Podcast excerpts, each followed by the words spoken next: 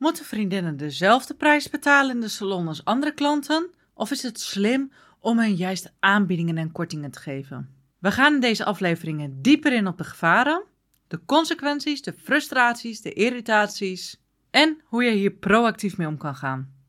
Welkom bij Sabine Salon Strategieën Podcast. Ik ben Sabine, ik ben jouw mentor, je saloncoach en ik ben je gastvrouw van deze podcastaflevering, die en tegenwoordig ook op YouTube te beluisteren is. En we gaan het hebben over het onderwerp wat heel veel salons bezighoudt. Hoe ga je nou om met die buurvrouwen? Hoe ga je om met die vriendinnen? Met je zus in de salon? Moeten die dezelfde prijs betalen of niet? Dus we gaan meteen beginnen. Een van de valkuilen waar de meeste salons en stylisten intrappen is vrienden korting geven. En het lijkt heel aantrekkelijk om je vriendinnen een speciale prijs te geven. Als een teken van waardering van jullie vriendschap. Maar dit kan echt gevolgen hebben voor de financiële gezondheid van je salonbedrijf en de algemene tevredenheid en ook wat andere klanten ervan vinden. Klanten die de volle prijs betalen kunnen zich benadeeld voelen. En dit kan leiden tot ontevredenheid. Laten we de consequentie van deze valkuil eens even iets nader onderzoeken. Nummer 1. Door vriendenkorting aan te bieden, loop je het risico om inkomsten te verliezen. Elke klant die minder betaalt, is dus minder geld in de kassa. Dit kan op lange termijn financiële problemen veroorzaken. Nummer 2. Ongelijke behandeling. Een andere consequentie is de perceptie in ongelijke behandeling.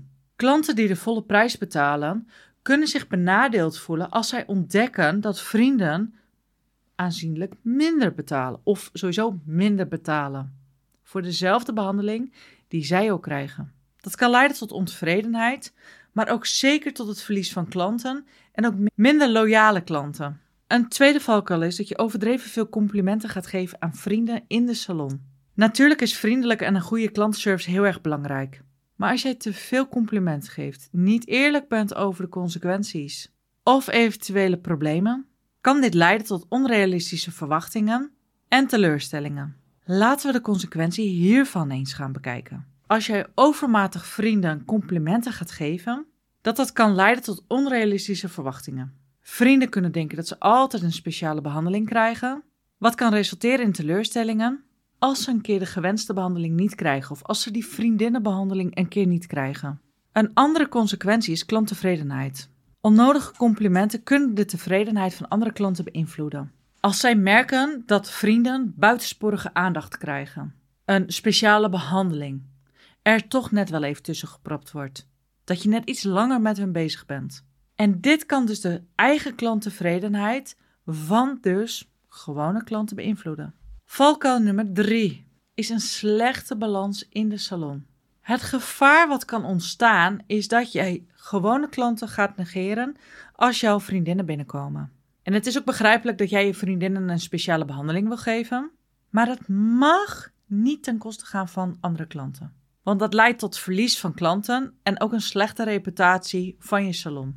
Laten we de consequenties eens gaan bekijken van deze laatste valkuil: klantverlies. Dus het negeren van klanten om vrienden te plezieren kan leiden tot klantverlies. Klanten voelen zich niet gewaardeerd, niet gehoord, niet gezien, aan de kant geschoven en gaan dus op zoek naar een andere salon. Een slechte reputatie. Een slechte klantenservice, een ongelijke behandeling kan de reputatie van je salon beschadigen. En negatieve mond-op-mond reclame verspreidt zich veel sneller dan positieve reclame.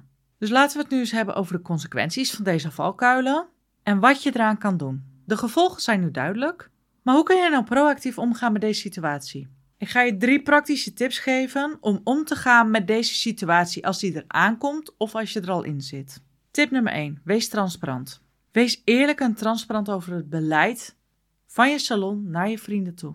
Laat klanten weten dat jij een eerlijke en gelijke behandeling nastreeft voor iedereen. Communiceer je beleid duidelijk, zowel op je website, misschien social media en in je salon. Nummer 2. Bied waarde in plaats van korting. In plaats van vriendenkorting, overweeg om waarde toe te voegen aan je diensten die je aanbiedt. Dit kunnen speciale extra's zijn, gratis producten of andere voordelen. Om klanten te binden zonder dat je je prijs gaat verlagen. Zo voelen vrienden zich nog altijd speciaal zonder dat andere klanten zich benadeeld voelen. Tip nummer 3. Hou balans. Zorg ervoor dat je een juiste balans vindt tussen vrienden plezieren en andere klanten echt tevreden houden. Een goede klantentevredenheid is gewoon heel vitaal bij een gezond salonbedrijf. Maar dit mag niet ten koste gaan van anderen. Train jezelf, maar ook eventueel je personeel, om consistent en eerlijk te zijn in de behandelingen van klanten. Tot slot zijn er drie aanbevolen acties die je zou kunnen ondernemen. Actie nummer 1. Stel duidelijke salonregels op. Formuleer heel duidelijk regels en een stuk beleid voor vrienden in je salon. Communiceer die eventueel ook naar hun. En zorg voor consistentie in je behandelingen, zowel naar vrienden als naar klanten toe. Actie 2. Monitor en evalueer. Hou eens bij hoe jij je vrienden behandelt in de salon en evalueer regelmatig, elk kwartaal bijvoorbeeld, of het ook nog wel voor je werkt. Pas het indien nodig aan op het moment dat jij merkt dat het niet meer in balans is. En trek het recht en zorg dat iedereen weer gelijk behandeld wordt. Actie nummer 3. Moedig je vrienden gewoon aan om een trouwe, loyale klant te worden.